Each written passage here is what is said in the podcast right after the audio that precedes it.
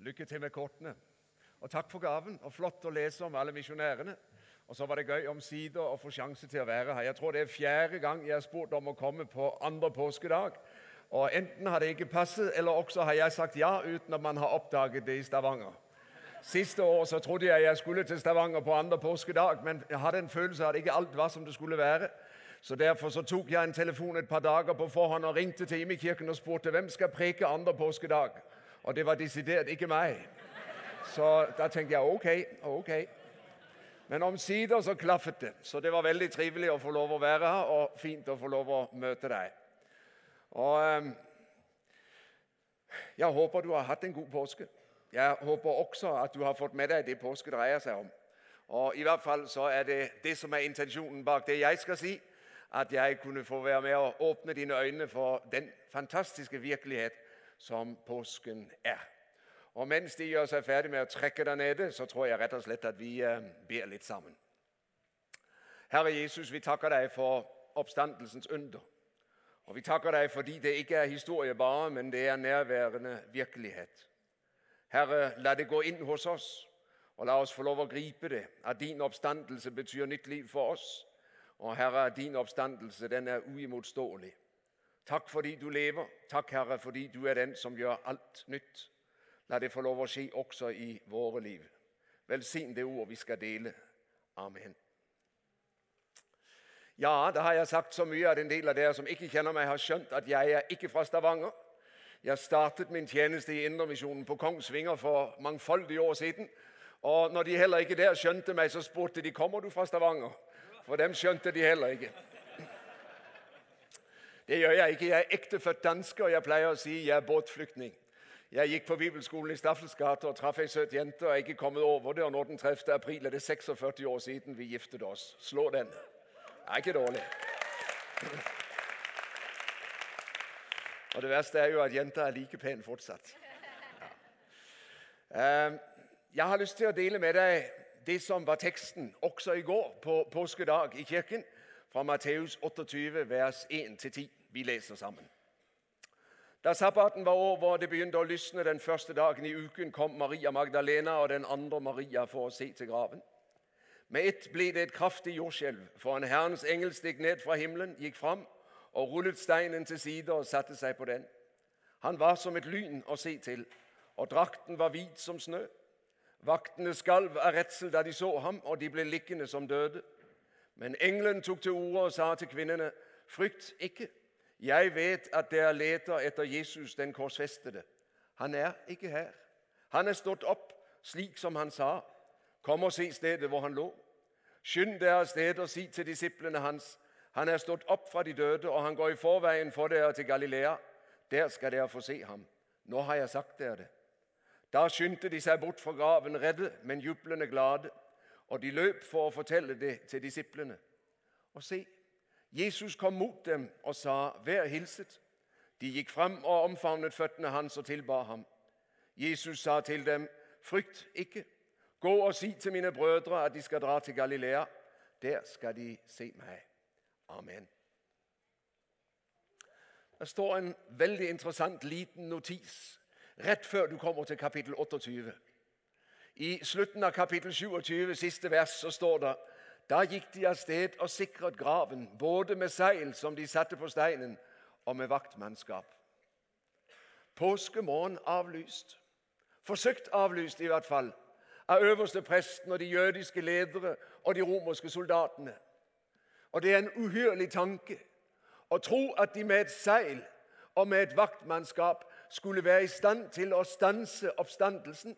Det er jo aldeles latterlig. Nei, de skjønte ikke det. For dem var det ramme alvor. De mente at de skulle greie å avlyse oppstandelsen. Men Det nye testamentet gjør det klinkende klart oppstandelsen lar seg ikke avlyse. Guds kraft er altfor stor. Og den Jesus som ligger i graven, han har virkelig seiret, og derfor lar han seg ikke stanse. De trodde de skulle greie å stanse ham, og de hadde ingenting å stille med. Disiplene de burde ha vært ved vakten, eller vært ved graven, om ikke annet for å gråte. Men de hadde så liten tro at de var ikke til stede engang. De var rundt omkring i byen og sørget, med sitt mismot og sin fortvilelse. Og der lå graven, bare med vakter som skulle hindre oppstandelsen. Det var det. Og så er det veldig interessant. Verken Matteus, Markus, Lukas eller Johannes forteller om oppstandelsen. Jeg vet ikke om du har tenkt på det? Alle fire forteller at oppstandelsen har skjedd. Men det er ingen av dem som forteller om selve oppstandelsen, for den foregår så stille og så umerkt at uten at vakten er klar over det, så vokter de en tom grav. Han er der ikke lenger. Han har vært borte en god stund. Og ifølge 1. Peters brev så har han bl.a. vært i dødsriket for å forkynne for alle de som er døde før, at han har seiret. Men oppstandelsen er skjedd før vi begynner å lese oppstandelsesberetningen. Og det er jo uhyre interessant. Oppstandelsen lar seg ikke stanse. Den lar seg heller ikke beskrive. Og den er altså uimotståelig. Jesus er ikke avhengig av at vakten er borte. Jesus er ikke avhengig av at disiplene er til stede. I Guds time og ved Guds makt så står han opp når Gud sier 'nå skjer det', og så lever han. Og Så kommer påskemorgen til deg og meg med et utrolig budskap rett inn i vår situasjon og inn i vår tid. For det er mange som har travelt med å avlyse oppstandelsen i dag. Mange i vårt folk og mange utover i verden som er opptatt av én ting prøver å kvitte seg med Jesu oppstandelse. Det er ikke bare engelske og amerikanske ateister som skriver bøker mot kristendom og nekter alt som har med kristendom å gjøre. Det er masse av mennesker som har travelt med å avlyse oppstandelsen og si at sånn skjer ikke. Kloke vitenskapsmenn som vet at ingen står opp fra de døde, og hva det nå må være. Og Påskemorgen kommer og sier til deg og meg oppstandelsen lar seg ikke avlyse, for Guds kraft er en virkelighet. Der står en merkelig salme i Det gamle testamentet. Det er salme 2. Den starter slik. Formentlig er den skrevet i forbindelse med at Salomo innsettes og salves som konge. Og Så spør salmisten hvorfor er folkeslag i opprør. Hvorfor gråner folkene på det som er forgjeves? Jordens konger reiser seg. Fyrstene slår seg sammen mot Herren og mot Hans salvede. La oss slite i stykker lenkene og kaste reipene deres av oss. Han spør salmisten hvorfor i alle dager er de i opprør. Hvorfor grunner de på det som er forgjeves? Og hør så hva som står i vers 4. Han som troner i himmelen, ler. Herren spotter dem. Så taler han til dem i sin vrede, i sin hame slår han dem med, med redsel. Det er jeg som har innsatt min konge på Sion, mitt hellige fjell. Den Gud du og jeg tror på, han har makten. Og Det demonstrerer han aldeles overveldende påskemorgen. Han er ikke avhengig av at vakten er borte. Han er ikke avhengig av at den romerske keisers seil er borte. Han er ikke avhengig av at disiplene står der troende og lovsyngende og glade. Helt suverent så står han opp fra de døde i det øyeblikk Gud har fastsatt. Og ved Guds kraft så reiser Jesus seg og går ut av graven. Og ingen oppdager det før etterpå. Jo da, de oppdager det i aller høyeste grad, men legg merke til det. Det er litt spennende at her i, i Matteus 28 så står det om at vaktene skalv av redsel og falt som døde. Når skjedde det? Det skjedde først når engelen kom for å si Jesus er oppstått, graven er tom. For å rulle steinen til side, så de selv kunne gjøre seg begripelig at sånn var det altså. Det er interessant. Jesu oppstandelse er så sterk og så stille at vaktene de er fullstendig uvitende om at den allerede har funnet sted. Og Jeg er redd for iblant at du og jeg er uvitende om det også. For det er som om vi ofte lever som om Jesus ikke var oppstått. Min venn, det er flott at du er her, og det er flott at du tror. Men vær klar over det, Gud er altså ikke avhengig av det. Gamle Martin Luther han sier det slik i sin forklaring til den andre bønn i Fader vår komme ditt rike. Så sier han Guds rike kommer vel uten vår bønn, men vi ber at Guds rike må komme også til oss. Guds rike kommer vel uten vår bønn. Jeg har akkurat vært i Nepal i begynnelsen av mars sammen med min kone og besøkt nordmisjonsarbeidere ute i Okaldunga, dette misjonssykehus langt ute i bushen. Nepal er uhyre interessant i denne sammenheng. I 1950 så fantes det ingen kristne i Nepal. Men det fantes et tydelig forbud mot at vestlige misjonærer kunne komme og forkynne evangeliet. Det forbud står ved makt fortsatt. I dag er det halvannen million kristne i Nepal. Hvordan skjer sånt? Oppstandelsens under. Jeg er så gammel at jeg husker at bambusteppet gikk ned over Kina i 1949. Og jeg husker det mismot som bredde seg blant misjonsvenner i vest. For nå var det slutt på kirken i Kina. Det skjønte vi. Mao han hadde ett mål, og det var å utrydde den. Når bambusteppet langsomt reiste seg igjen og ble hevet på slutten av 70-tallet, så begynte ryktene å komme. Disse utrolige rykter som vi nesten ikke kunne tro, for det var ikke mulig. To millioner kristne i 1949, og nå snakket de om 50, 60, 70, 80 millioner kristne. Hvordan i all verden var det mulig? Teppet var jo nede. Mao styrte, og han hadde bestemt at kristendommen skulle ikke få lov å være der. Oppstandelsens morgen. Det skjer så stille at vi knapt er klar over det. Men det skjer. Og det skjer ikke bare for 2000 år siden. Det skjer i vår verden i dag. Jeg satte meg ned og regnet litt her om dagen. Jeg vokste opp i bedehussammenheng. Åtte år som guttunge bodde jeg rett og slett på bedehuset. Jeg vet ikke hvor mange møter jeg har vært på, hvor mange ganger jeg har stått med hatten ved utgangsdøren og tatt kollekt. Men det jeg husker, det var jo bl.a. at de var veldig opptatt av misjon i Afrika, i Asia osv. Og, og så har jeg tenkt hva blir det av Her om dagen så satte jeg meg ned og begynte å regne litt ut fra det som du kan få av statistikk. Og Så viser misjonsstatistikken at omkring år 1900 så befinner 16% av verdens kristne seg sør for ekvator. 16 i år 2010 befinner 64 prosent av verdens kristne seg sør for ekvator. Det er 400% økning. Og det er prosentvis. Men tallmessig så er det en enormt mye større økning, for det er så mye flere folk. Hva er det for noe? Det er påskemorgen. Det er påskemorgens kraft. På tross av alle dem som er forstå seg på og, og kloke og vise og sier det er snart slutt på kirken og kristendommen, dere kan bare pakke sammen. De har ingen fremtid. Nå er det snart forbi. Så reiser Gud. Naturligvis gjør han det, for han har makten. Så reiser han sitt rike, og så fører han det frem. Og det rare er altså, på tross av at vi ofte har vært lite troende, har vært lite forventningsfulle til våre egne bønner Gud har gjort det vi har bedt om. Når jeg satt og så de tallene, så gikk det opp for meg igjen på nytt hvor fantastisk det nytter å be. Her var et misjonsfolk som ba, og som ga, og som sendte. Og så har de altså fått en respons fra Guds side som er aldeles utrolig. Og nå opplever vi at misjonærene kommer fra Kina, fra India, fra Indonesia, fra Filippinene til oss fordi de ser at vi trenger evangeliet. Det er ikke lenge siden jeg var sammen med en engelsk misjonsleder som fortalte at han hadde vært på kurs i London for en rekke kristne misjonærer fra Kina og India og Øst-Asia som var opptatt av dette. Hvordan skal vi opptre for å møte den europeiske kultur med evangeliet? De er opptatt av å nå oss, for de ønsker å gi tilbake det som de har mottatt fra oss. Oppstandelsens virkelighet midt inn i vår verden. Jo, det er mange vakter ved Jesu grav, også i dag. Mange som prøver å hindre at han oppstår. Og det er mye svakhet og mye feighet og mye manglende frimodighet blant disiplene hans, og det hindrer ikke Gud. Gud er mektig til å føre sitt rike frem likevel.